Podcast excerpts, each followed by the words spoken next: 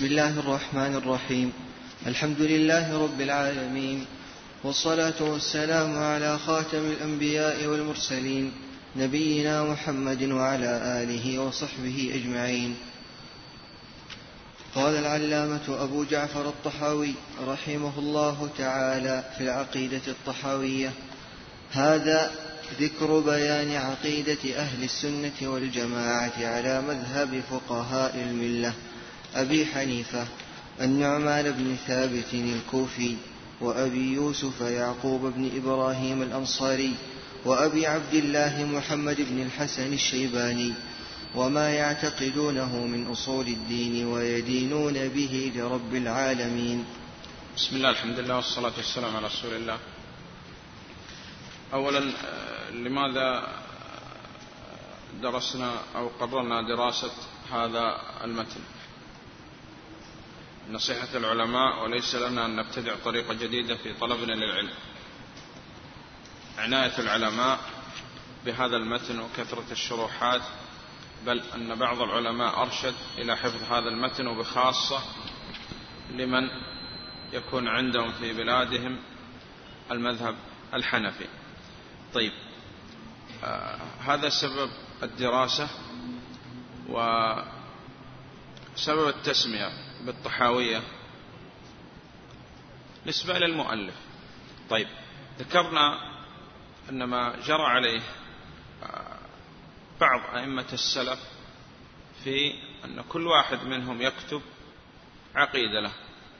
قلنا منهم الطحاوي الصابوني شيخ الإسلام قلنا ألف أكثر من مؤلف في ما يعتقده. ومن أحسن ما ألف الواسطي كذلك الشيخ محمد بن عبد الوهاب رحمه والشيخ بن عثيمين رحمه الله الجميع وغيرهم من الأئمة. وقلنا أن الطالب يعني يتدرب ويكتب ما يعتقده يعني يأخذ ورقة ويكتب ما يعتقده ويذكر له عقيدة يقرر فيها ما قرر أئمة السلف والرجوع لما كان عليه النبي عليه الصلاة والسلام والسلف الصالح.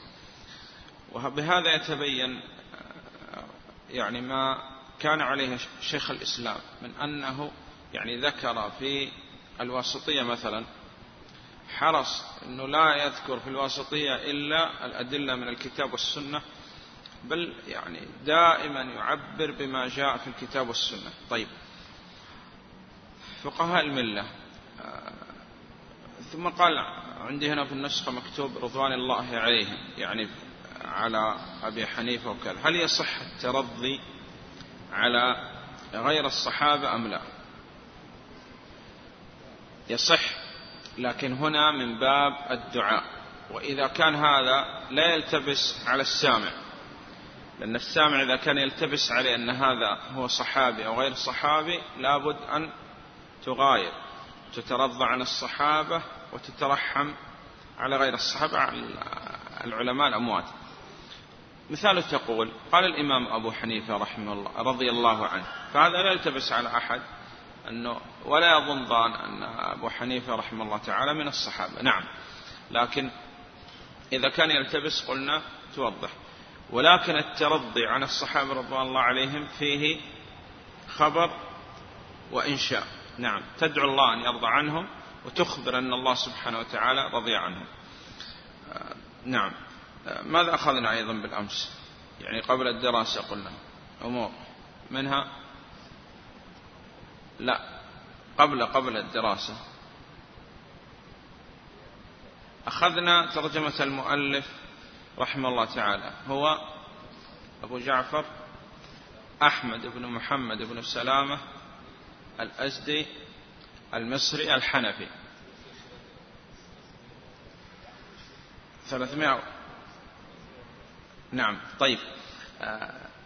هل عندما نسب إلى يعني الحنفية هل هو هنا الآن يعني حنفية المذهب هل هو متعصب؟ لا. وذكرنا هذا أن هؤلاء الأئمة يعني أخذوا بأصول الإمام أبو حنيفة رحمه الله تعالى ولم يتعصبوا تعصب المقيت ولا تقليد لكنهم يعني ساروا على طريقة الإمام أبو حنيفة رحمه الله تعالى. نعم. قال قال رحمه الله نقول في توحيد الله معتقدين بتوفيق الله إن الله واحد لا شريك له. هل هذا الكلام اللي ذكر المؤلف رحمه الله تعالى خاص بالإمام أبو حنيفة رحمه الله تعالى ومن كان من أتباعه. لا. بل ذكرنا أن الأئمة الأربع هم أئمة لأهل السنة والجماعة. نعم. طيب. قال نقول في توحيد الله. توحيد الله ذكرنا التوحيد. يعرف لغة مصدر وحد الشيء إذا جعله واحدا. وشرعا إفراد الله سبحانه وتعالى بما اختص به من الربوبية والألوهية والأسماء والصفات. وأنواع التوحيد ثلاثة توحيد الربوبية والألوهية والأسماء والصفات. ما هو الدليل أن التوحيد ينقسم إلى ثلاثة أقسام؟ الدليل أن التوحيد ينقسم إلى ثلاثة أقسام. التتبع والاستقراء ثم لو قال قائل هذا التقسيم هو من البدع. كيف نجيب هذا؟ نقول نحن لا نتعبد لله بالتقسيم نحن نتعبد لله بالتوحيد. هذا من باب تقريب الأفهام كما يقال أن الصلاة فيها شروط وأركان وواجبات وغيرها من العبادات. ولو جاءنا إنسان ولا يعرف هذا التقسيم ويقول أنا أفرد الله سبحانه وتعالى بأنه الخالق والرازق المحيي والمميت والمدبر وأن الله سبحانه وتعالى لا بد أن يعبد ولا يعبد غيره معه. والعبادة كلها لله ولا يصح أن يصرف منها شيء لغير الله. وأنا أثبت لله سبحانه وتعالى ما أثبت لنفسه في كتابه أو على لسان رسوله صلى الله عليه وسلم فهذا موحد. نعم. لكن العلماء تتبعوا واستقروا نصوص الكتاب والسنة وجدوا أن التوحيد ينحصر في ثلاثة أقسام ومنهم من يقسم التوحيد إلى قسمين ولا مشاحة أصلا. لكن الذي يقسم التوحيد إلى أربعة أقسام ويدخل توحيد الحاكمية هذا في الحقيقة توحيد الحاكمية هو داخل في توحيد الألوهية. وهم أرادوا بهذا التقسيم أي تقسيم التوحيد إلى أربعة أقسام وذكر الحاكمية أرادوا بهذا الخروج على الحكام وتكفير الحكام. نعم معتقدين بتوفيق الله. لماذا قال معتقدين بتوفيق الله؟ لأن التوحيد لا بد فيه من قول وعمل واعتقاد. وذكرنا أن الإيمان قول وعمل واعتقاد يزيد وينقص وأن لا إله إلا الله لا بد فيها من شروط. نعم وشروط لا إله إلا الله تقدمت معنا أنها ثمانية. قال بتوفيق الله. نعم لا بد أن يظهر العبد افتقاره إلى الله سبحانه وتعالى والاستعانة. وبنى شيخ الإسلام على ما تقدم معنا نصف كتاب التدمرية على هذا أن العبد لا بد يجمع بين ماذا؟ الشرع والقدر. نعم. طيب. بتوفيق الله. قال أن الله واحد واحد في ربوبيته وألوهيته وأسماء وصفاته وهذا هو التوحيد. إفراد الله سبحانه وتعالى بالربوبية والألوهية والأسماء والصفات. لا شريك له. قلنا لا شريك له. نعم. وأن التوحيد وأن الله جمع فيما سمى وصف به نفسه بين النفي والإثبات. ولا يتم التوحيد إلا بهذا. أن تجمع في توحيد الله سبحانه وتعالى بين النفي والإثبات. لا إله إلا الله. إنني براء مما تعبدون إلا الذي فطرني. فمن يكفر بالطاغوت ويؤمن بالله. نعم.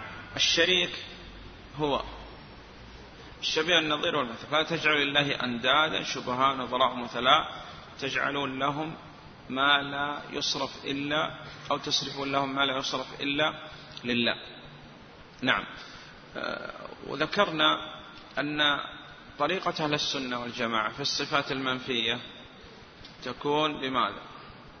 في الصفات المنفية. نعم. أولا ننفيها عن الله كما نفى عن نفسه وكما نفى عنه رسوله صلى الله عليه وسلم. الثاني إثبات كمال الضد لأن النفي المحض ليس بكمال. نعم. طيب. قل هو الله أحد الله الصمد لم يلد ولم يولد ولم يكن له كفوا أحد. قلنا فيها صفات منفية لكمال أحديته وصمديته. فقال أن الله واحد لا شريك له. لا شريك له لكمال أحديته وصمديته سبحانه وتعالى. ثم قال قال رحمه الله نقول في توحيد الله معتقدين بتوفيق الله إن الله واحد لا شريك له ولا شيء مثله ولا شيء يعجزه ولا إله غيره. قديم بلا ابتداء دائم بلا انتهاء. ولا شيء مثله. الدليل ليس كمثل شيء والسميع البصير. ولماذا جاء التعبير بالتمثيل ولم يأتي التعبير بالتشبيه؟ لأن هذا الذي جاء في القرآن وإن استطعت أن لا تتكلم بالكتاب والسنة فافعل. الثاني ما من شيء في الوجود إلا بينهما قدر اشتبهان فيه حتى وكان في الاسم تقول رأس الإبل ورأس المال ورأس الوادي. نعم. والاتفاق في المسميات لا يستلزم التماثل في كل الصفات وكل شيء بحسب ما يضاف إليه. قلنا تقول رأس الإبل ورأس المال ورأس الوادي ورأس النملة وما إلى ذلك.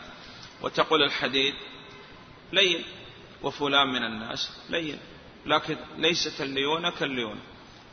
كما أن الله سبحانه وتعالى وصف العباد بأن لهم أن الله سبحانه وتعالى كما قال إنا خلقنا الإنسان من نطفة أمشاج نبتلي فجعلناه سميعا بصيرا. وقال الله سبحانه وتعالى عن نفسه وكان الله سميعا بصيرا ولا يستلزم التماثل. طيب. ولا شيء يعجزه. الدليل نعم. ولا يؤوده حفظهما. وقوله تعالى وما كان الله ليعجزه من شيء. طيب. ولا إله غيره لا إله غيره. هذا هو معنى لا إله إلا الله. لا إله قلنا فيها نفي وإثبات وكل عبادة في القرآن كما قال ابن عباس رضي الله عنهما في معنى القرآن. قديم بلا ابتداء. القديم ليس لا من أسماء الله ولا من صفات الله لكن يصح إذا كان من باب الإخبار. وأولى منه أن يذكر المؤلف الأول في القديم وفي الدائم الآخر. ولو جاء بهذا لا أتى بما هو موافق للكتاب والسنة وكان فيه دليل وكان فيه يعني إثبات ما أثبت الله سبحانه وتعالى لنفسه. وذكرنا هذه المسألة أن باب الأخبار أوسع من باب الأسماء والصفات. نعم. وباب الصفات أوسع من باب الأسماء وأضيق من باب الأخبار وأضيق باب هو باب الصفات الأسماء. لماذا؟ لأن الاسم هو اسم ولا بد يتضمن صفة. الصفات بعض الصفات نأخذ منها أسماء وبعضها لا نستطيع أن نأخذ منها أسماء. لكن باب الإخبار الخبر يخبر عن الله بالأسماء والصفات وأيضا بشرط أن لا يكون يعني معناه مخالف وباطل. وقلنا يخبر عن الله بأنه شيء ومذكور لكن لا يسمى ولا يوصف بشيء أو مذكور. طيب. وقلنا هذا هو الموضع الأول من المواضع التي انتقدت على الإمام الطحاوي رحمه الله تعالى. لكن ذكرنا هذه المسألة. وقلنا أن بعض العلماء يعني عندما جاء وشرح الطحاوية قالوا أن هذا وافق أيضا حتى ابن القيم قال هذا الكلام. لكن هذا يصح من باب الإخبار لكن أولى منها أن نقول الأول والآخر. وذكرنا أن من الشروحات على الطحاوية من أحسن الشروحات ومن أنفع الشروحات وأجمع الشروحات شرح ابن أبي العز الحنفي رحمه الله تعالى. وقلنا ابن أبي العز رحمه الله آه، شرح الطحاوية شرح مختصر. هو على ما ذكر في المقدمة. لكن في الواقع على ما نرى نحن اليوم أنه شرح مطول. لماذا اخترنا أن يكون الشرح المقرر؟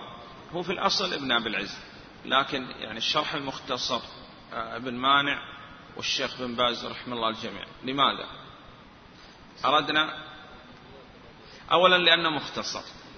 الثاني لأن هناك من يقول أن هؤلاء أي نعم مخالفين للإمام أبو حنيفة رحمه الله تعالى أو أن بينهم عداوة وردود وكذا.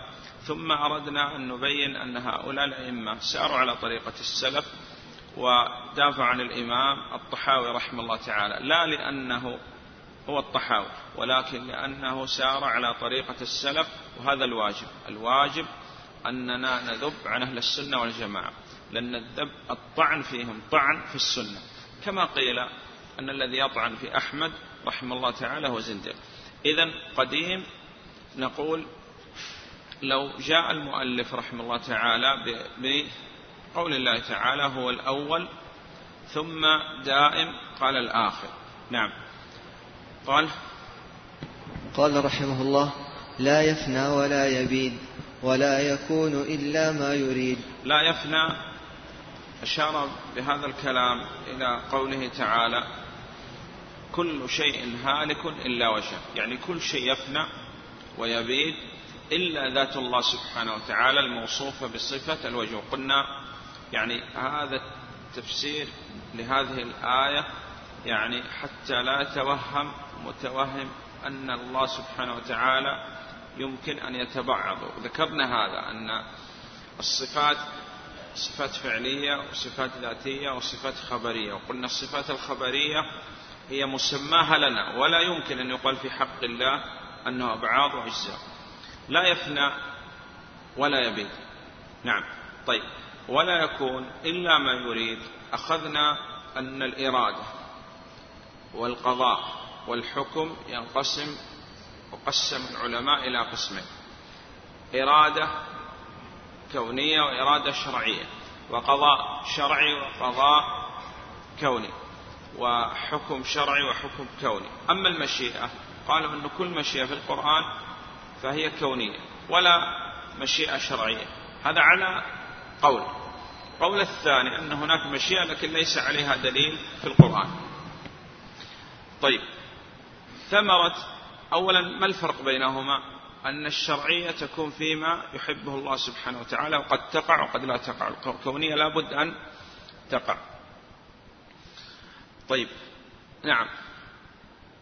أنت ما الثمرة من التقسيم هذا؟ إيش الفائدة؟ الفائدة نعم الرد على القدرية والجبرية وغيرها لأنهم قالوا أن وقوع الشرك بقضاء الله وقدره. نقول نعم صحيح. لكن هل يحبه الله؟ لا يحبه. فمن حيث أن الله سبحانه وتعالى قدر وقوع الشرك والمعاصي والبدع والأوبئة وغيرها لابد من الرضا والتسليم. ومن حيث أن الله سبحانه وتعالى أمر بالبراءة من الشرك وأهله فهذا أمر وهذا أمر وهؤلاء لم يفرقوا بين القضاء الشرعي والقضاء الكوني. نعم. وذكرنا أنه يصح الاحتجاج بالقضاء القدر على المصائب لا على المعايب وهذا في رد على القدرية والجبرية. نعم. طيب آه نريد دليل على الإرادة الشرعية والإرادة الكونية. هل تجتمع الإرادة الشرعية مع الإرادة الكونية؟ نعم. الآن مثلا الإسلام إسلام رجل موت على الإسلام مثلا عشر مبشرين بالجنة إرادة شرعية وإرادة كونية قد تجتمع الإرادة الشرعية والإرادة الكونية. وقد يكون يريد الله سبحانه وتعالى كونا ولا يحبه شرعا. ظهر الفساد في البر والبحر بما كسبت أيدي الناس. نعم. وقضينا إلى بني إسرائيل في الكتاب لتفسدن في الأرض مرتين. الفساد في الأرض لا يحبه الله. فهو كوني وقع بقضاء الله وقدر الحكمة أرادها الله سبحانه وتعالى. الهزيمة في أحد. قلنا كوني. قدر الله سبحانه وتعالى وقوع الهزيمة الحكمة أرادها الله سبحانه وتعالى. طيب. نعم. آه، قال قال رحمه الله لا تبلغه الأوهام ولا تدركه الأفهام ولا يشبه الأنام. نعم. لماذا جاء المؤلف رحمه الله تعالى بهذا الكلام؟ جاء المؤلف رحمه الله تعالى بهذا الكلام أراد أن يثبت ما أثبته أئمة أهل السنة والجماعة من أن طريقة أهل السنة والجماعة في الأسماء والصفات ترجع إلى ثلاث قواعد. وهذه القواعد الثلاثة مذكورة في قول الإمام مالك رحمه الله تعالى عندما سئل عن الاستواء. وقلنا أن الجواب السديد في كل من سأل عن كيفية صفة من صفات الله نجيب من وجهين. الوجه الأول بما أجاب به مالك رحمه الله تعالى. الوجه الثاني بما أجاب به شيخ الإسلام بن تيمية رحمه الله تعالى كما ذكر في التدمرية بأننا نسأل هذا عن كيفية الذات. وهذا في الحقيقة ليس السؤال عن الكيفية بل نريد أن نتوصل بهذا السؤال إلى أنه لا يعرف كيفية الذات والصفات فرع. ولذلك القاعدة التي ذكرها شيخ الإسلام في التدمرية أنه ذكر في النصف الأول من الكتاب أصلين ومثلين. الأصل الأول القول في الصفات كالقول في الذات. ونجيب بهذا الجواب وهذا هو الجواب الثاني في من سأل عن الكيفية. لماذا لا لماذا نحن نعرف المعنى ونؤمن لك أن لله كيفية تلق جلالة عظمته ثم هذه الكيفية لا نعلمها والسؤال عنها بدعة لأمور ثلاثة قلنا. لأننا لا يمكن ندرك الكيفية إلا بالمشاهدة أو بمشاهدة المثيل إذا كان لهذا الشيء مثيل أو بخبر الصادق. ولأن لم نرى الله سبحانه وتعالى وليس له مثيل ولم يخبرنا الصادق المصدوق عليه الصلاة والسلام. فالقول بالكيفية قول على الله بلا علم. نعم. طيب. ولا تدركه الأفهام. طيب. ذكرنا أيضا قاعدة أن أن كل ما خطر ببالك فالله سبحانه وتعالى أعظم وأجل من ذلك. إذا لا يمكن أن ندرك الكيفية. هل معنى هذا أنك إذا تخيلت كيفية تكون الصفة على خلاف هذه الكيفية؟ لا يمكن أن يكون فهم هذه القاعدة بهذه الطريقة. لكن لم نخبر عن الكيفية من النبي صلى الله عليه وسلم ولم نرى الله وليس له مثيل. إذا لا يمكن ندرك الكيفية ويكون هذا قول على الله بلا علم. ومثل شيخ الإسلام في التدمرية بالروح والجنة. الجنة أخبرنا الله سبحانه وتعالى عما أعده للمتقين في الجنة من نخل وزيتون ورمان. وأخبرنا بما نعقل ونفهم ومعاني نعرفها وأسماء نعرفها. لكن ليس النخل كالنخل ولا الزيتون كالزيتون ولا الرمان كالرمان. إذا لا يمكن أن تكون صفات الخالق مماثلة لصفات المخلوقين. نعم. ولا العكس أيضا. ولا يشبه الأنام ولو قال بماذا؟ أي نعم. بالتمثيل كان أحسن. وقلنا لا يشبه الأنام أو ليس كمثله شيء لكمال أحديته وصمديته سبحانه وتعالى. طيب. قال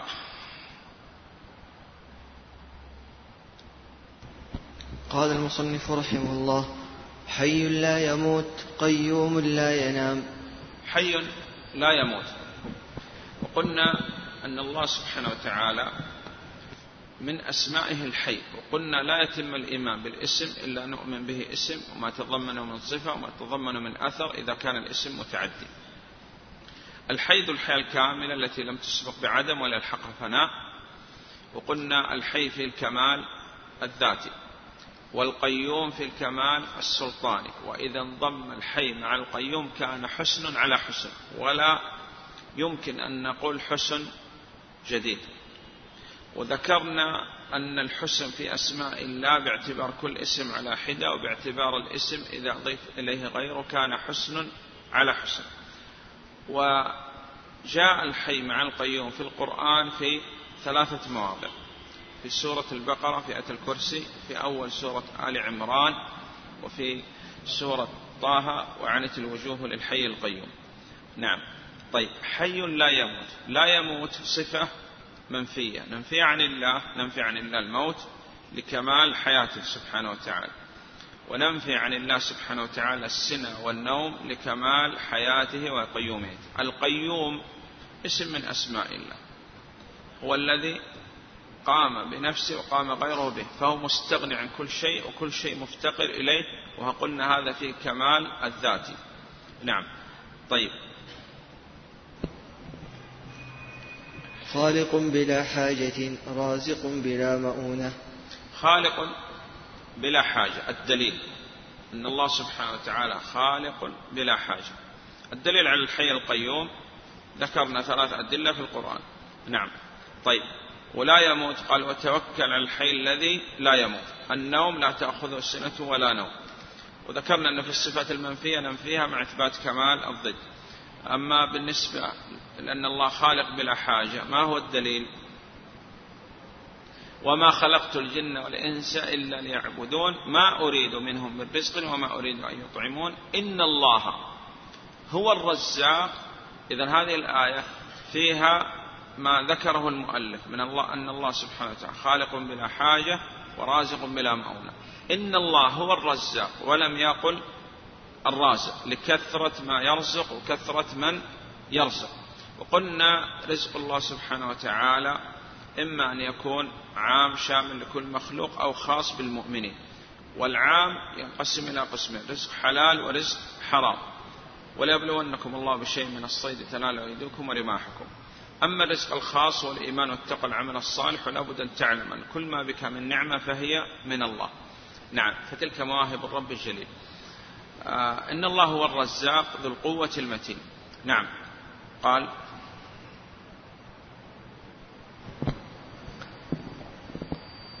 قال رحمه الله مميت بلا مخافة باعث بلا مشقة. بسم الله الحمد لله والصلاة والسلام على رسول الله. الله سبحانه وتعالى قال هو الذي خلق الموت والحياة. الله سبحانه وتعالى خلق الموت.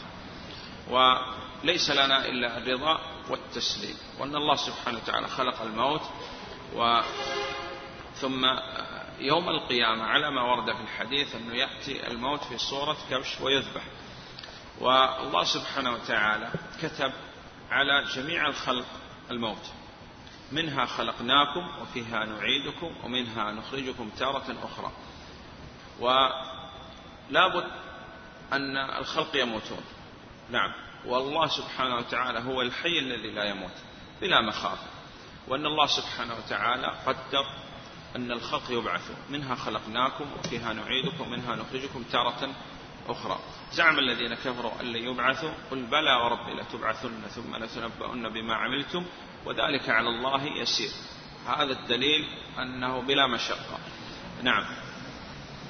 قال رحمه الله مميت بلا مخافة باعث بلا مشقة ما زال بصفاته قديما قبل خلقه. ما زال هذا فيه رد على من يقول أن صفات الله سبحانه وتعالى حدثت له وكانت من قبل لم تكن. وذكرنا هذا أن أهل السنة والجماعة يذكرون مثلا يقول أن الله سبحانه وتعالى هو الحي ذو الحياة الكاملة التي لم تسبق بعدم ولا يلحقها فناء. فصفات الله سبحانه وتعالى هو متصف بها أزلا وأبدا. نعم. ثم أخذ يشرح هذا المعتقد الذي يعتقده أهل السنة والجماعة أن الصفات ثابتة لله سبحانه وتعالى. نعم. خلافا لصفات المخلوقين. نعم. ما زال بصفاته قديما قبل خلقه لم يزدد بكونهم شيئا لم يكن قبلهم من صفته. نعم. ما ازداد الله سبحانه وتعالى يعني بخلق السماوات والأرض يعني بعد أن خلقها هو سبحانه وتعالى خالق قبل خلق السماوات والأرض. نعم. وكما كان بصفاته أزليا كذلك لا يزال عليها أبديا أي أن هذه الصفات لا تنتفي عن الله سبحانه وتعالى. فكذلك عندما قلنا أن الله سبحانه وتعالى هو الحي قلنا ذو الحياة الكاملة التي لم تسبق بعدم ولا يلحقها فناء وذكرنا قاعدة في أن بعض الآيات مثل قوله تعالى وكان الله سميعا بصيرا قلنا كان هذه مسلوبة الزمن. ويراد بها هنا إثبات هذه الصفات لله سبحانه وتعالى على الوجه اللائق به. كما تقول مثلا تقول كان النبي عليه الصلاة والسلام من أشجع الناس. كان هنا جاءت لبيان الوصف الذي كان عليه النبي عليه الصلاة والسلام. نعم. ثم أخذ يبين ويفصل هذه القاعدة ردا على أهل الباطل لأنهم قالوا أن الله سبحانه وتعالى يعني تتجدد له بعض الصفات وبعض الصفات قد يوصف بها ثم بعد هذا لا يوصف بها الله سبحانه وتعالى تعالى الله عما يقولون. نعم. قال رحمه الله ليس منذ خلق الخلق استفاد اسم الخالق ولا بإحداث البرية استفاد اسم الباري. آه، ذكرنا أن من أسماء الله الخالق متضمن صفة الخلق وذكرنا أن دلالة الاسم ثلاثة دلالة مطابقة وتضمن والتزام. كذلك اسم الله الباري فالذي يخلق من عدم هو الله سبحانه وتعالى وهذا لم ينكر أحد. حتى الكفار الذين بعث فيهم النبي صلى الله عليه وسلم أقروا بهذا أن الله سبحانه وتعالى هو الخالق أي من عدم. أما التغيير من شكل إلى آخر هذا قد يقدر عليه بعض الخلق كما قال الله سبحانه وتعالى فتبارك الله أحسن الخالقين لكن الخلق من عدم هذا لا يمكن أن يكون إلا لله. ومن العجب أن هذا التوحيد الذي أقر به الكفار الذين بعث فيهم النبي صلى الله عليه وسلم أقروا به ومشركي زمان نسأل الله السلامة والعافية عندهم شرك حتى في الربوبية. وهذا في أنه لا يأتي الزمن كما قال النبي صلى الله عليه وسلم إلا بعده شر منه. نعم. طيب استفاد اسم الباري فلا فالله سبحانه وتعالى خالق قبل أن يخلق وبارئ قبل أن يبرأ الخلق. نعم. له معنى الربوبية وذكرنا أن الربوبية هو إفراد الله سبحانه وتعالى بأفعاله وإفراد الله سبحانه وتعالى بالخلق والملك والتدبير وذكرنا أن هذا التوحيد أقر به الكفار. ومن العجب أن مشركي زماننا حتى في هذا التوحيد أنكروا زيادة على إنكارهم توحيد الألوهية. فإذا كان مشركي زماننا يعني قد أنكروا ما أثبت الكفار الذين بعث فيهم النبي صلى الله عليه وسلم. وإذا كان الكفار الذين بعث فيهم النبي صلى الله عليه وسلم أقروا بتوحيد الربوبية وعندما لم يقروا بتوحيد الألوهية كفرهم الله وقاتلهم النبي صلى الله عليه وسلم. إذا مشركي زماننا إذا أنكروا توحيد الألوهية وتوحيد الربوبية فهم أشد شركا وأكثر شركا من الكفار الذين بعث فيهم النبي صلى الله عليه وسلم. له معنى الربوبية إفراد الله سبحانه وتعالى بأفعاله وأفراد الله سبحانه وتعالى بالخلق والملك والتدبير. فالله سبحانه وتعالى رب رب العالمين. وقبل أن يخلق الخلق فهو رب سبحانه وتعالى. نعم. نعم. ولا ولا مربوب. أي لا مخلوق. نعم. قال رحمه الله له معنى الربوبية ولا مربوب ومعنى الخالق ولا مخلوق. وكما أنه محيي الموتى بعدما أحيا استحق هذا الاسم قبل إحيائهم. كذلك استحق اسم الخالق قبل إنشائهم. نعم وقبل خلقهم فالله سبحانه وتعالى موصوف بالصفات أزلا وأبدا. نعم. ذلك بأنه على كل شيء قدير وكل شيء إليه فقير وكل أمر عليه يسير لا يحتاج إلى شيء ليس كمثله شيء وهو السميع البصير. ذلك بأن الله على كل شيء قدير. وحرص المؤلف رحمه الله تعالى أن يأتي بما بما يوافق القرآن وقلنا هذا من أحسن ما يكون في التأليف والتصنيف. وهناك من يعني بعض الناس هدانا الله إياهم يقول أن الله على ما يشاء قدير وهذا ما يصح. كأن هناك أشياء لا يقدر عليها الله سبحانه وتعالى. وهذا في خطر أننا نتكلم بأشياء لم ترد في الكتاب والسنة. والصواب أن نذكر على ما ذكر المؤلف رحمه الله تعالى لنوافق ما جاء في القرآن. طيب آه، خلافا لأهل الباطل كالمعتزلة وغيرهم الذين يقولون أن هناك أشياء تقع والله سبحانه وتعالى ما أراد ما أراد لها الوقوع. نعم. وذكرنا أن هؤلاء لم يفرقوا بين الإرادة الشرعية والإرادة الكونية. نعم. قال آه ثم قال بعد هذا آه وكل شيء يا أيها الناس أنتم الفقراء إلى الله. وذكرنا أيضا هذا أن كل شيء مفتقر إلى الله. هذا من معاني الصمد. الذي تصمد إليه الخلائق في حوائجها والذي قام بنفسه وقام غيره به وكذلك القيوم. ولا يمكن أن نستغني عن الله طرفة عين. وكل الخلق عبيد لله تحت قهره وتصرفه إن كل من في السماوات والأرض إلا آتي الرحمن عبدا. وكل أمر عليه يسير وما كان الله ليعجزه من شيء ولا يؤوده حفظهما إن ذلك على الله يسير. ولا يحتاج إلى شيء لكمال غناه سبحانه وتعالى وكمال أحديته وصمديته وكمال عزته سبحانه وتعالى.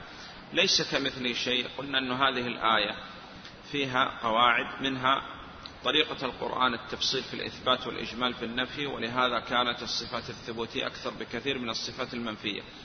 وأن هذه الآية فيها قاعدة الإثبات نثبت كل ما أثبت الله لنفسه والدليل هو السميع البصير. وتنزيه الله سبحانه وتعالى عن كل نقص وعيب لكماله سبحانه وتعالى. وهذه القاعدة الثانية وطريقة القرآن التفصيل في الإثبات والإجمال في النفي وفيها نفي المثل عن الله لكماله سبحانه وتعالى وكمال أحديته وصمديته. نعم. قال ليس كمثله شيء وهو السميع. السميع قلنا اسم من أسماء الله ومتضمن لصفة السمع. وسمع الله سبحانه وتعالى. سمع عام وسمع خاص. السمع العام أدلة كثيرة. منها قد سمع الله قول التي تجادلك في زوجها وتشتكي إلى الله. والخاص إما يراد به النصر والتأييد كما في قوله سبحانه وتعالى إنني معكما أسمع وأرى. وأهل السنة والجماعة يقولون أن هذا أنهم يثبتون لله كل ما أثبت لنفسه من السمع العام والسمع الخاص والسمع الذي يراد به التهديد وكذلك السمع الذي يراد به لا ذكرنا سمع عام وسمع خاص وسمع يراد به التهديد وكذلك العليم. نعم. لا. النصر والتأييد والسمع العام والسمع الذي يراد به التهديد. طيب إن الله بقي معنا وكأن إن ربي لسميع الدعاء أي مجيب. إذا سمع بمعنى الإجابة والسمع بمعنى إدراك الأصوات. سمع بمعنى الإجابة الدليل إن ربي لسميع مجيب الدعاء. وسمع بمعنى إدراك الأصوات وذكرنا أن المعاني معلومة. والكيفية علم عند الله والسؤال عنها بدعة. سمع بمعنى إدراك الأصوات عام. قد سمع الله قول التي تجادلك في زوجها وتشتكي إلى الله. والسمع يراد به النصر والتأييد مع إثبات صفة السمع لله سبحانه وتعالى. إنني معكما أسمع وأرى.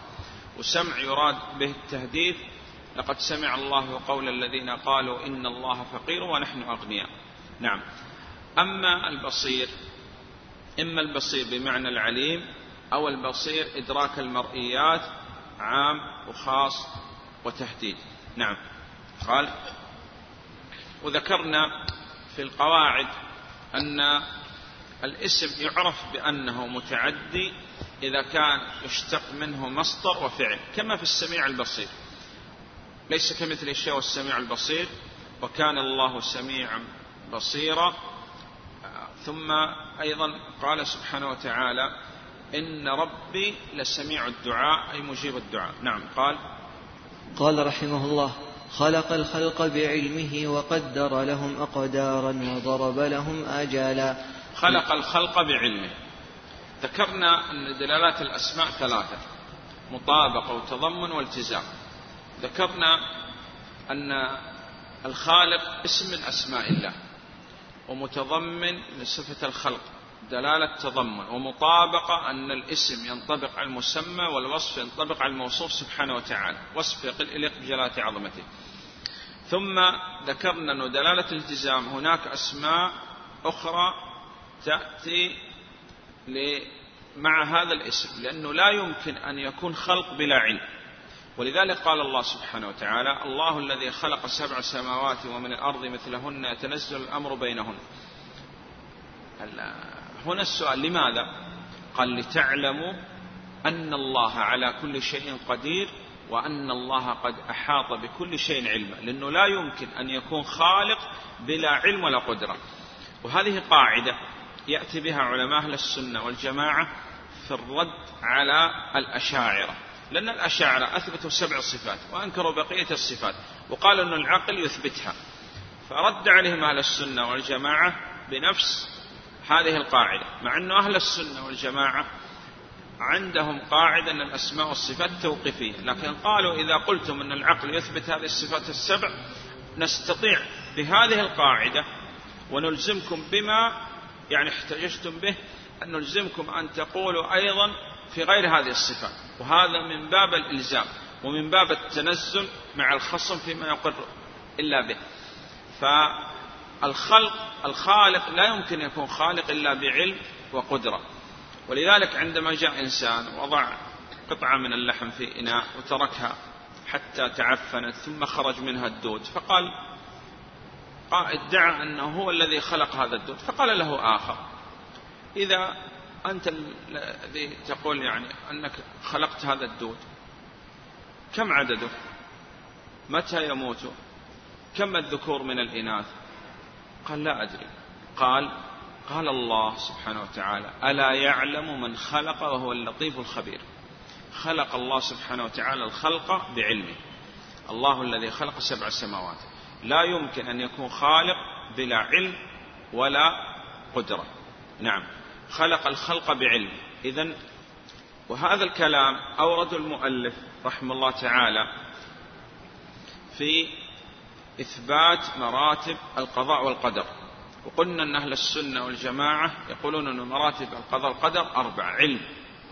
أن الله سبحانه وتعالى علم كل شيء ولا يخفى عليه شيء في الأرض ولا في السماء. حتى الذي لم يقع يعلم الله سبحانه وتعالى. إذا وقع كيف يقع؟ وقدر لهم أقدارا وتقدم معنا هذا أن الله سبحانه وتعالى علم كل شيء ولا يخفى عليه شيء ثم أمر القلم أن يكتب مقادير كل شيء إلى أن تقوم الساعة. وتقدم معنا أيضا أن التقدير إما أن يكون تقدير الذي كتب الله سبحانه وتعالى في اللوح المحفوظ أو التقدير يكون كل حول فيها يفرق كل أمر حكيم. والتقدير الذي يكون عند خلق الجنين والتقدير الأسبوعي والتقدير اليومي. وقدر لهم أقدارا وأمر الله سبحانه وتعالى الخلق بالعمل على ما سيأتي. وهذا الذي بنى عليه شيخ الإسلام نصف كتاب التدمرية. أننا لا بد أن نجمع بين الشرع والقدر. تجمع بين أن الله سبحانه وتعالى كتب مقادير كل شيء وبهذا تعمل ولذلك لما استشكل الصحابة رضوان الله عليهم وقالوا يا رسول الله ففيما العمل؟ قال اعمل فكل ميسر لما خلق له. ونحن نذكر هذا في كل صلاة. في سورة الفاتحة نقول إياك نعبد وإياك نستعين. أي نجمع بين الشرع والقدر. وأهل السنة هم أسعد الناس في هذا الباب أنهم جمعوا بين الشرع والقدر.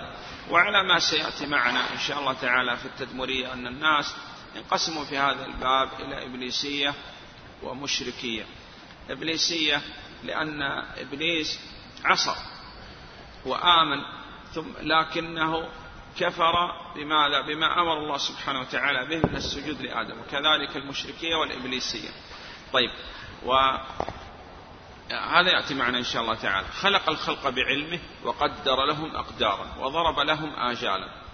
والله سبحانه وتعالى قدر لكل عبد عمل وأجل. نعم.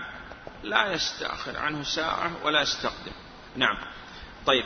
هذا قبل الخلق. قبل أن يخلق الله سبحانه الخلق هو عالم بما سيكون. ثم عندما يفعل الناس الأشياء يعلمها الله يعلمها. إذا يعلمها الله سبحانه قبل أن تقع. ويعلمها عندما تقع أنها الآن تقع. يعلمها الله سبحانه ولا يخفى عليه شيء في الأرض ولا في السماء. نعم. قال وعلم ما هم عاملون قبل أن يخلقهم. إذا مراتب القضاء والقدر أربعة علم وكتابة ومشيئة. هل للعبد مشيئة وإرادة؟ نعم. له مشيئة وإرادة لكن هذه المشيئة تابع لمشيئة الله النافذة فما شاء الله كان وما لم يشأ لم يكن وما تشاءون إلا أن يشاء الله رب العالمين. فأتوا حرثكم أن شئتم. الرابع الخلق. فالعباد خلقهم الله سبحانه وتعالى وخلق أفعالهم. والله خلقكم وما تعملون. نعم. أراد بهذا الكلام أن يرد على الفرق الضالة الذين إما ضلوا وقالوا بالقدر أو قالوا بالجبر. نعم. وهؤلاء هم قلنا أسعد الناس بالدليل أهل السنة والجماعة لأنهم جمعوا بين الشرع والقدر. نعم. قال رحمه الله خلق الخلق بعلمه وقدر لهم أقدارا وضرب لهم آجالا. لم يخفى عليه شيء قبل أن يخلقهم وعلم ما هم عاملون قبل أن يخلقهم.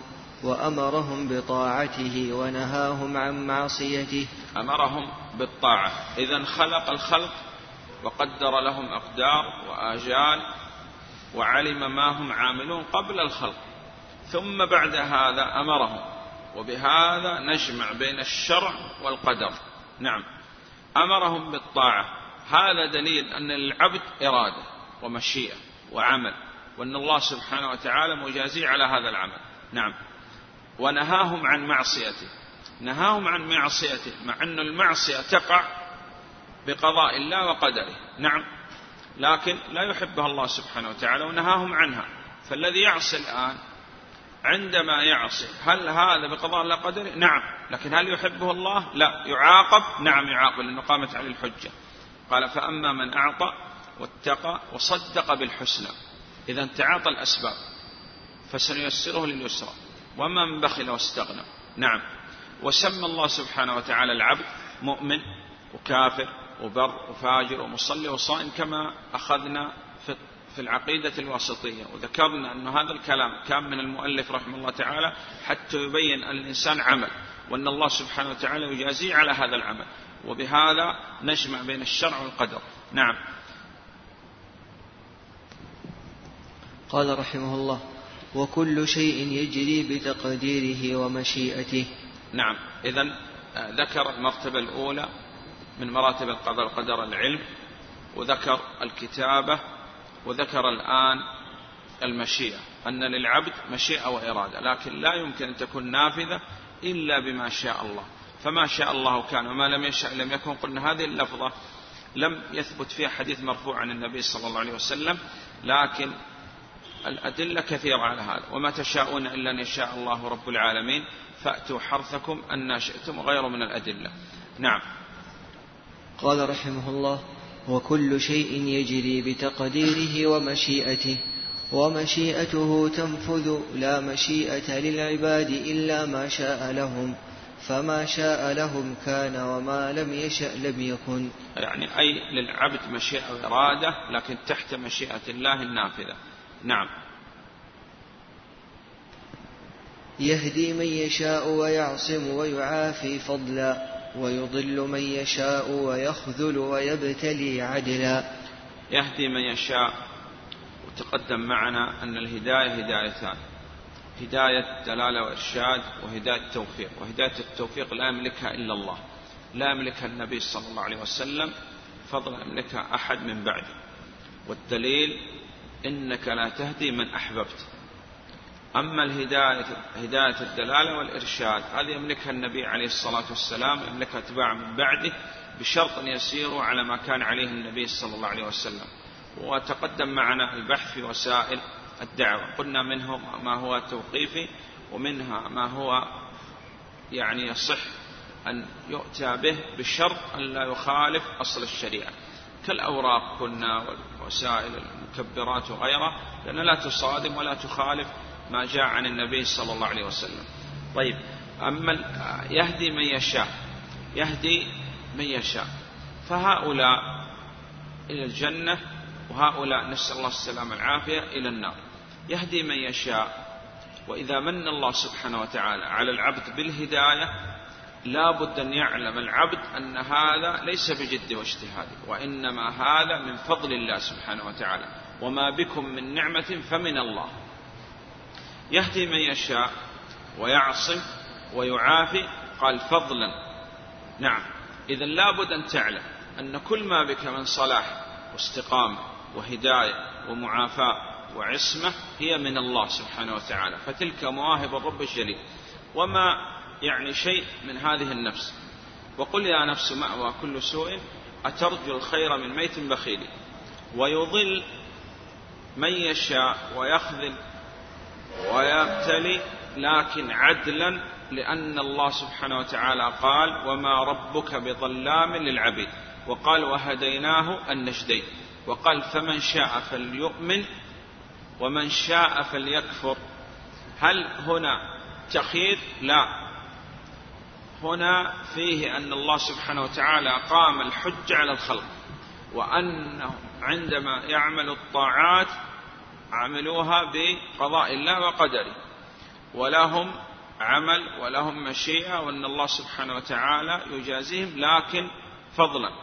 وقلنا حق العباد على الله لا يمكن أن نقول هو حق واجب نقول هو سبحانه وتعالى. أوجب على نفسه منة منه وفضلا هذا هو معتقد أهل السنة والجماعة.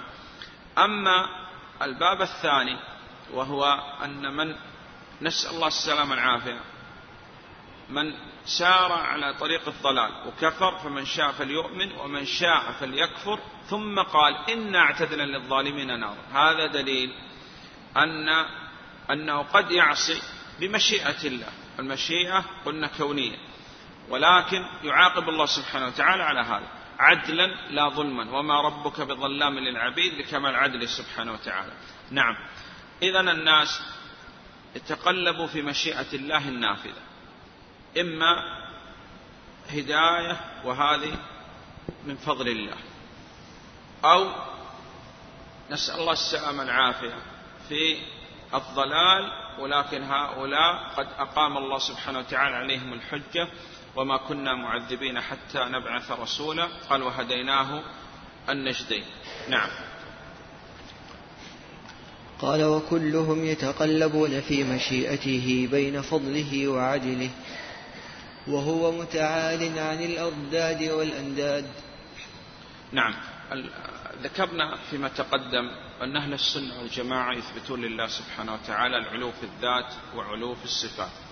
وذكرنا أن في الغالب أن كل من يؤلف في الأسماء والصفات يذكر صفة العلو ويثبت لله سبحانه وتعالى صفة العلو في الذات وفي الصفات. لماذا؟ لأن بإثبات صفة العلو لله سبحانه وتعالى علو في الذات وعلو في الصفات يكون بهذا قد أثبت كل الصفات إجمالا. ثم بعد هذا يأتي التفصيل. نعم وقلنا أن أدلة العلو في الذات إجمالا خمسة الكتاب والسنة والإجماع والعقل والفطرة وتنوعت أدلة الكتاب في إثبات العلو تارة بذكر العلو وتارة بذكر الاستواء والفوقية وصعود الأشياء ونزولها منه. السنة المتواترة جاءت بإثبات العلو لله سبحانه وتعالى في الذات. بل السنة القولية والفعلية والتقريرية. إجماع الأمة الفطرة عندما يدعو العبد يجد من نفسه ضرورة إلى طلب العلو كما قال قال حيرني الهمداني. طيب ثم الخامس العقل. يستحيل العقل أن يثبت للخالق إلا كل صفة كمال وينزه الله سبحانه وتعالى كل صفة نقص وعيب. هذا من حيث الإجمال. لكن من حيث التفصيل قلنا لابد الرجوع إلى نصوص الكتاب والسنة. تعالى الله سبحانه وتعالى أن يكون له ند أو شبيه أو نظير أو مثيل لكمال أحديته وصمديته وكمال غناه وكمال عزته سبحانه وتعالى. نعم. قال رحمه الله وهو متعال عن الأضداد والأنداد لا راد لقضائه ولا معقب لحكمه ولا غالب لأمره. فإذا قضى الله سبحانه وتعالى قضاء فإنه لا يرد. قال يا محمد إني إذا قضيت قضاء فإنه لا يرد. نعم. وقضى ربك لا تعبدوا إلا إياه. وهذا فيه أن الله سبحانه وتعالى قضاءه نافذ. وهذا فيه بيان عجز الخلق. نعم. ولا معقب لحكمه ولا غالب لأمره. نعم. آمنا بذلك كله وأيقنا أن كل من عنده. نعم. وهذا يعني فيه تأكيد للكلام المتقدم. نعم. تقدم معنا للإيمان قول وعمل واعتقاد يزيد وينقص. نعم. قال ثم بعد أن ذكر يعني شيء من الكلام في الأسماء والصفات ومعتقد أهل السنة والجماعة وإثبات المشيئة والإرادة ورد على بعض الفرق الضالة في القضاء والقدر. آه ذكر الصلاة على النبي صلى الله عليه وسلم و ما هو الواجب تجاه هذا النبي عليه الصلاة والسلام؟ نعم.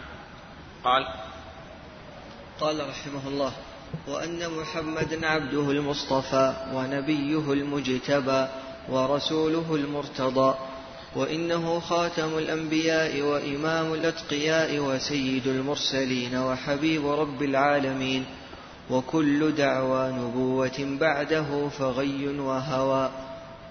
وهو المبعوث إلى عامة الجن وكافة الورى بالحق والهدى وبالنور والضياء. قال رحمه الله وإن محمدا عبده المصطفى ونبيه المجتبى ورسوله المرتضى. أن النبي صلى الله عليه وسلم قلنا هو محمد بن عبد الله بن عبد المطلب بن هاشم وهاشم من قريش وقريش من العرب والعرب من ذرية إسماعيل بن إبراهيم عليهما وعلى نبينا أفضل الصلاة والسلام. عبد. وذكرنا أن العبودية إما أن النبي عليه الصلاة والسلام أعبد الخلق وهذا رد على المبتدعة أو العبودية أن النبي صلى الله عليه وسلم ليس له شيء من خصائص الربوبية وهذا رد على الذين يستجيرون به عليه الصلاة والسلام. إذا عبد لابد تتضمن أنه أعبد الخلق أما إني أتقاكم لله وأخشاكم له. ولا يمكن أن الله سبحانه وتعالى يقبل أي عبادة إلا بتوفر الشرك والإخلاص والمتابعة لهدي النبي صلى الله عليه وسلم. والذي يكون عنده إخلاص ولا متابعة فهذا مبتدع. والذي يصرف شيء من العبودية شيء من العبادة للنبي عليه الصلاة والسلام فهذا لم يقر أن النبي عليه الصلاة والسلام عبد أي ليس له شيء من خصائص الربوبية. نعم. وأيضا يعني هذا فيه الرد على الباطنة وغيرهم وقالوا أن الشرائع تلزم العامة دون الخاصة وأن العبادة قد سقطت عنهم أي عن الخاص نقول لو كان هذا الكلام حق لسقطت العبادة عن النبي عليه الصلاة والسلام. والعبادة كما قال شيخ الإسلام ابن تيمية رحمه الله تعالى في التدمرية لا تسقط عن أحد ما عقل وعلم. إذا كان رفع عنه القلم تسقط عنه العبادة لأنه ليس من أهل التكليف أصلا. نعم. أن محمدا عليه الصلاة والسلام عبد لا يعبد ورسول لا يكذب عليه الصلاة والسلام. اصطفاه الله سبحانه وتعالى واجتباه. هل هو نبي أم رسول؟ قال نبي ورسول. فهو عليه الصلاة والسلام نبي ورسول. نبئ بإقرأ وأرسل بالمدثر فهو نبي ورسول. ثم قال أنه عليه الصلاة والسلام خاتم الأنبياء ولم يقل خاتم المرسلين لأن النبوة إذا ختمت من باب أولى تختم الرسالة. وجاء بما جاء في القرآن والسنة من أن الله سبحانه وتعالى قال في أن النبي صلى الله عليه وسلم خاتم الأنبياء في أي آية؟ ما كان محمد أبا أحد من رجالكم ولكن رسول الله وخاتم النبيين. وقال عليه الصلاة والسلام لا نبي بعدي. وختمت النبوة باب أولى تختم الرسالة. خاتم النبيين وإمام الأتقياء وسيد المرسلين عليه الصلاة والسلام. وحبيب رب العالمين ذكرنا هذه المسألة في المحبة أن أعلى درجات المحبة هي الخلة. وفيما نعلم لم تثبت الخلة إلا للنبي عليه الصلاة والسلام ولإبراهيم عليهم الصلاة والسلام. وقلنا الذي يقول أن إبراهيم عليه الصلاة والسلام خليل الله ومحمد عليه الصلاة والسلام حبيب الله هذا فيه تنقص في حق النبي صلى الله عليه وسلم. وأن الله سبحانه وتعالى قد اتخذني كما قال عليه الصلاة قد اتخذني خليلا كما اتخذ إبراهيم خليلا عليه الصلاة والسلام. وقلنا الصحيح أن نقول وخليل رب العالمين كما ثبتت الخلة لإبراهيم عليه الصلاة والسلام كذلك ثبتت لنبينا عليه الصلاة والسلام وهي أعلى درجات المحبة. وذكرنا أن أهل السنة يثبتون لله سبحانه وتعالى صفة المحبة والود والخلة والخلة هي أعلى درجات المحبة. قد تخللت مسلك الروح مني وبذا سمي الخليل خليلا.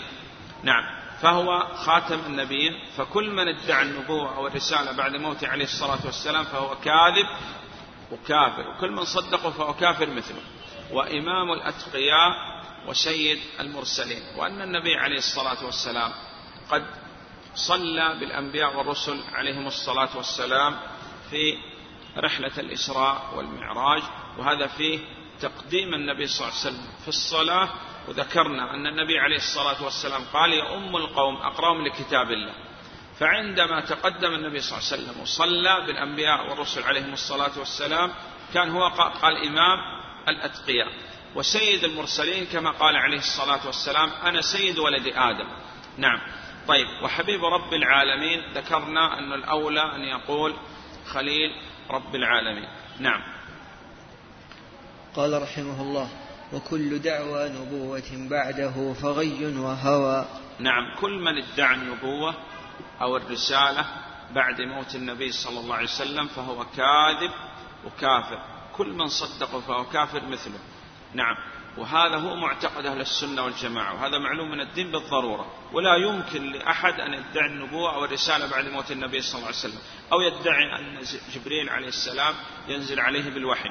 وذكرنا هذه المسألة أنه بعض الناس لا يدعي النبوة والرسالة لكن يعني حاله تقتضي هذا. أن يقول أنه جاءني جبريل بالوحي وقال كذا وقال كذا هذا هو ادعاء النبوة في الحقيقة. نعم.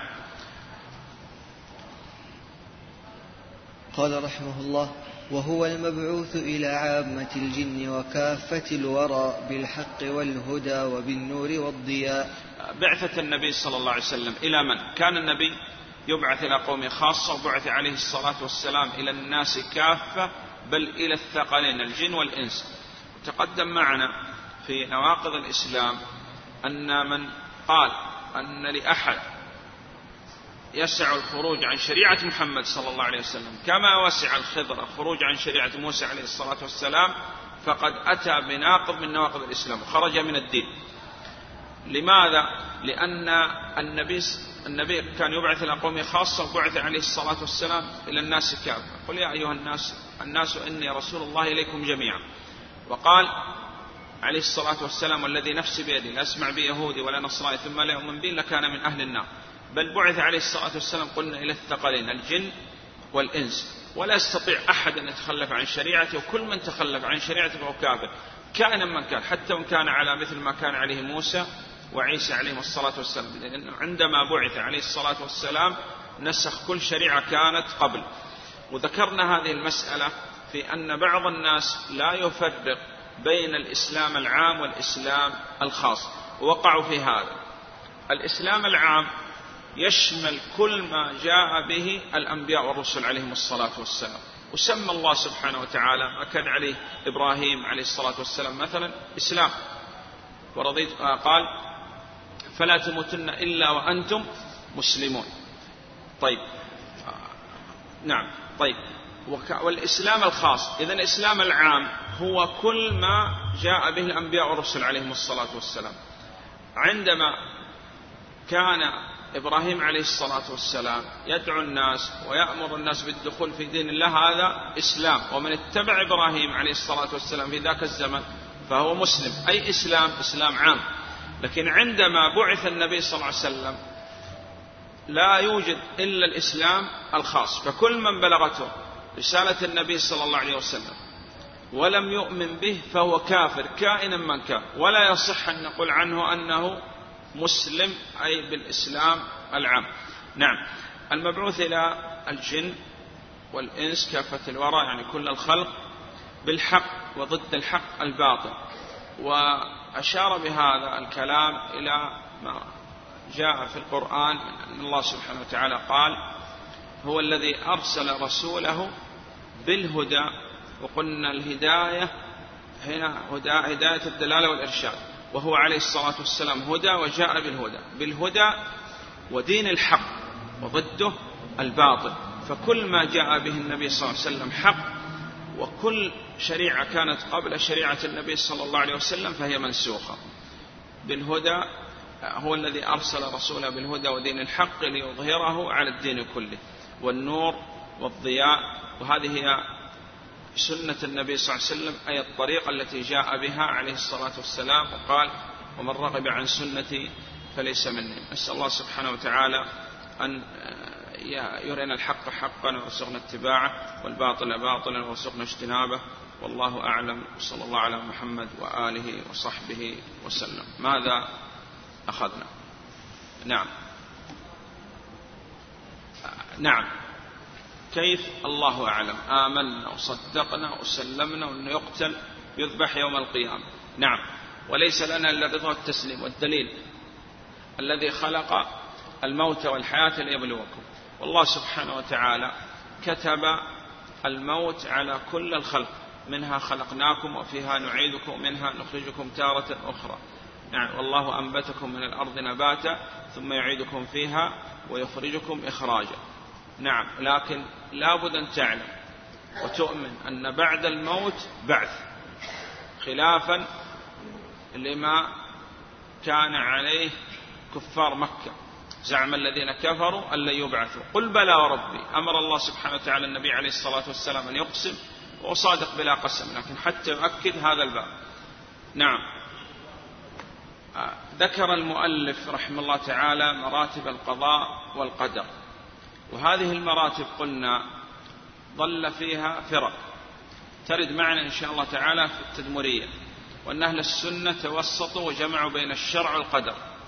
ومن أركان الإيمان الإيمان بالقضاء والقدر. نعم. العلم أن تؤمن أن الله سبحانه وتعالى علم كل شيء ولا أخفى عليه شيء في الأرض ولا في السماء حتى الذي لم يقع يعلم الله سبحانه وتعالى إذا وقع كيف يقع. علم كل شيء. صح؟ نعم. ثم قلنا إذا وقع يعلم الله سبحانه وتعالى قبل أن يقع ويعلم عندما يقع أنه وقع. صحيح؟ نعم. طيب. الثاني الكتابة. وأمر الله سبحانه وتعالى القلم أن يكتب مقادير كل شيء أن تقوم الساعة. وقلنا الكتابة إما كتابة في اللوح المحفوظ أو كتابة العمرية. أو الكتابة في السنوية أو الكتابة الأسبوعية أو اليومية. نعم. ثم قال المشيئة. وأن للعبد مشيئة وإرادة لكن تحت مشيئة الله النافذة. فما شاء الله كان وما لم يشاء لم يكن وقلنا هذه اللفظة لم يثبت فيها حديث مرفوع عن النبي صلى الله عليه وسلم. ودلت الأدلة على هذا منها قول الله سبحانه وتعالى وما تشاءون إلا أن يشاء الله رب العالمين فأتوا حرثكم أن شئتم. الرابع الخلق. فالعبد مخلوق وأعماله تابعة له فهي مخلوقة مثله. ولذلك استحق المجوس أن يكونوا آه، استحق القدرية أن يكونوا مجوس هذه الأمة. لماذا؟ لأنه يقول أن العبد هو الذي يخلق أفعاله وجعلوا العبد خالق مع الله سبحانه وتعالى بل كان هذا القول أكثر من قول المجوس. نعم. طيب. غيره. نعم. نعم. وذكر أن الله سبحانه وتعالى موصوف أزلا وأبدا وأن صفات الله سبحانه وتعالى هي ثابتة له سبحانه وتعالى. ولم يعني ما استحق أن الله سبحانه وتعالى يكون الخالق بعد الخلق فهو خالق قبل أن يخلق. نعم. طيب. وكذلك قلنا هذه الصفات ثابتة لله سبحانه وتعالى كما ذكرنا في الحي أن الله سبحانه هو ذو الحياة الكاملة التي لم تسبق بعدم ولا ألحقها فناء أما إذا قال قائل ما تقولون في قوله تعالى وكان الله سميعا بصيرا؟ قلنا هذه كان مسلوبة الزمن وجاءت لإثبات الوصف لله سبحانه وتعالى على الوجه اللائق به. نعم. السميع قلنا إما المجيب والدليل قوله تعالى إن ربي لسميع الدعاء أو السميع إدراك الأصوات. وإدراك الأصوات إما عام أو خاص أو تهديد. أهل السنة يثبتون هذه الأربعة. يثبتون الإجابة وإدراك الأصوات إما عام أو خاص أو تهديد. نعم. غيره. الهداية هدايتان. والهداية التي يملكها الله سبحانه وتعالى ولا يملكها النبي عليه الصلاة والسلام فضلا أن يملك أحد من بعده هداية التوفيق. ولو كان يملكها عليه الصلاة والسلام يدخل عمه في الإسلام. أما هداية الدلال والإرشاد قال أن الله سبحانه وتعالى أن الله سبحانه وتعالى بعث النبي صلى الله عليه وسلم بالحق والهدى أي أنه عليه الصلاة والسلام هدى أي أما أنه هو هدى أي دلالة إرشاد أو جاء معه الهدى. نعم.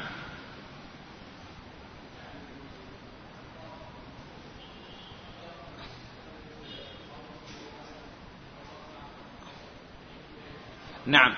أنه لا يصح أن نقول على ما يشاء. وهذا في خطر الكلام أو الكتاب أو التأليف بما هو مغاير لما جاء في الكتاب والسنة. تقول على كل شيء قدير. نعم. ولماذا كان القول ذاك خطأ؟ لأنه كان أشياء توجد أشياء لا يقدر الله سبحانه وتعالى عليها. نعم. طيب. نعم. العباد مفتقرون إلى الله سبحانه وتعالى. والدليل يا أيها الناس أنتم الفقراء إلى الله. نعم. طيب الصمد التي تس... الذي تصمد إلى الخلائق في حوائجهم نعم.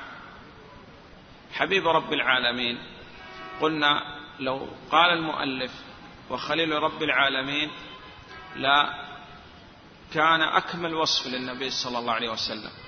ولأن النبي عليه الصلاة والسلام قال إن الله قد اتخذني خليلا. نعم. وفيما نعلم أن الخلة لم تثبت إلا لإبراهيم ومحمد عليهم الصلاة والسلام. نعم.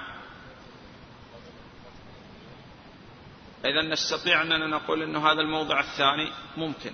نعم. طيب.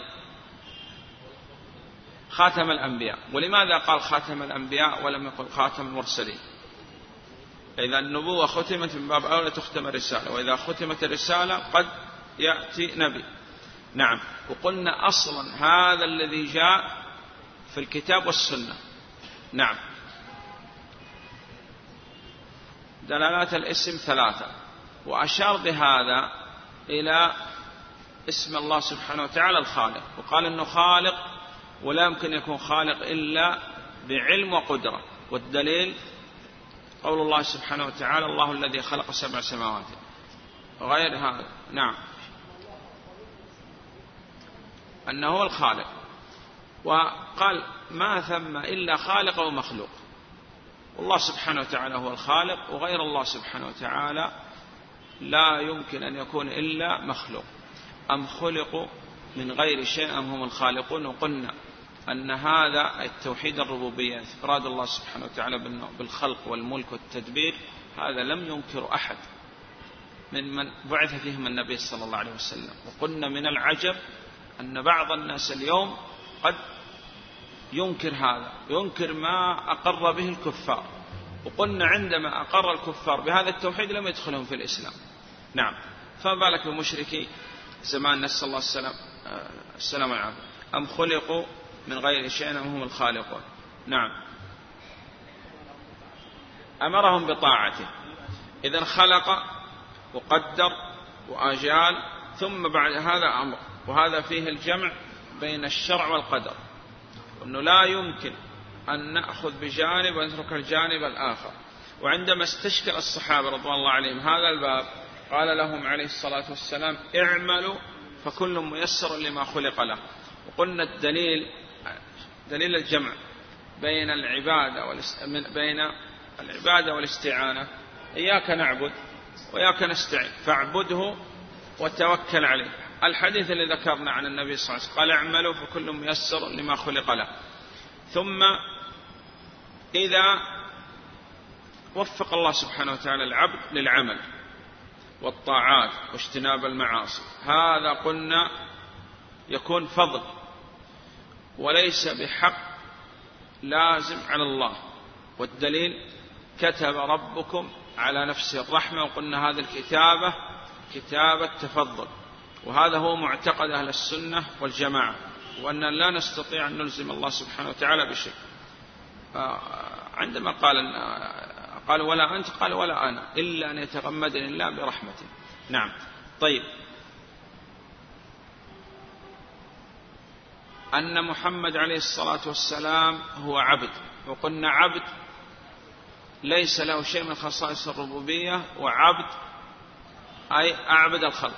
وقلنا أيضا قد يضاف إلى هذا رد على الباطنية الذين يقولون أن العبادة تكون عامة للخاصة وأن العبد يعني أن بعض الناس لا ليس مكلف.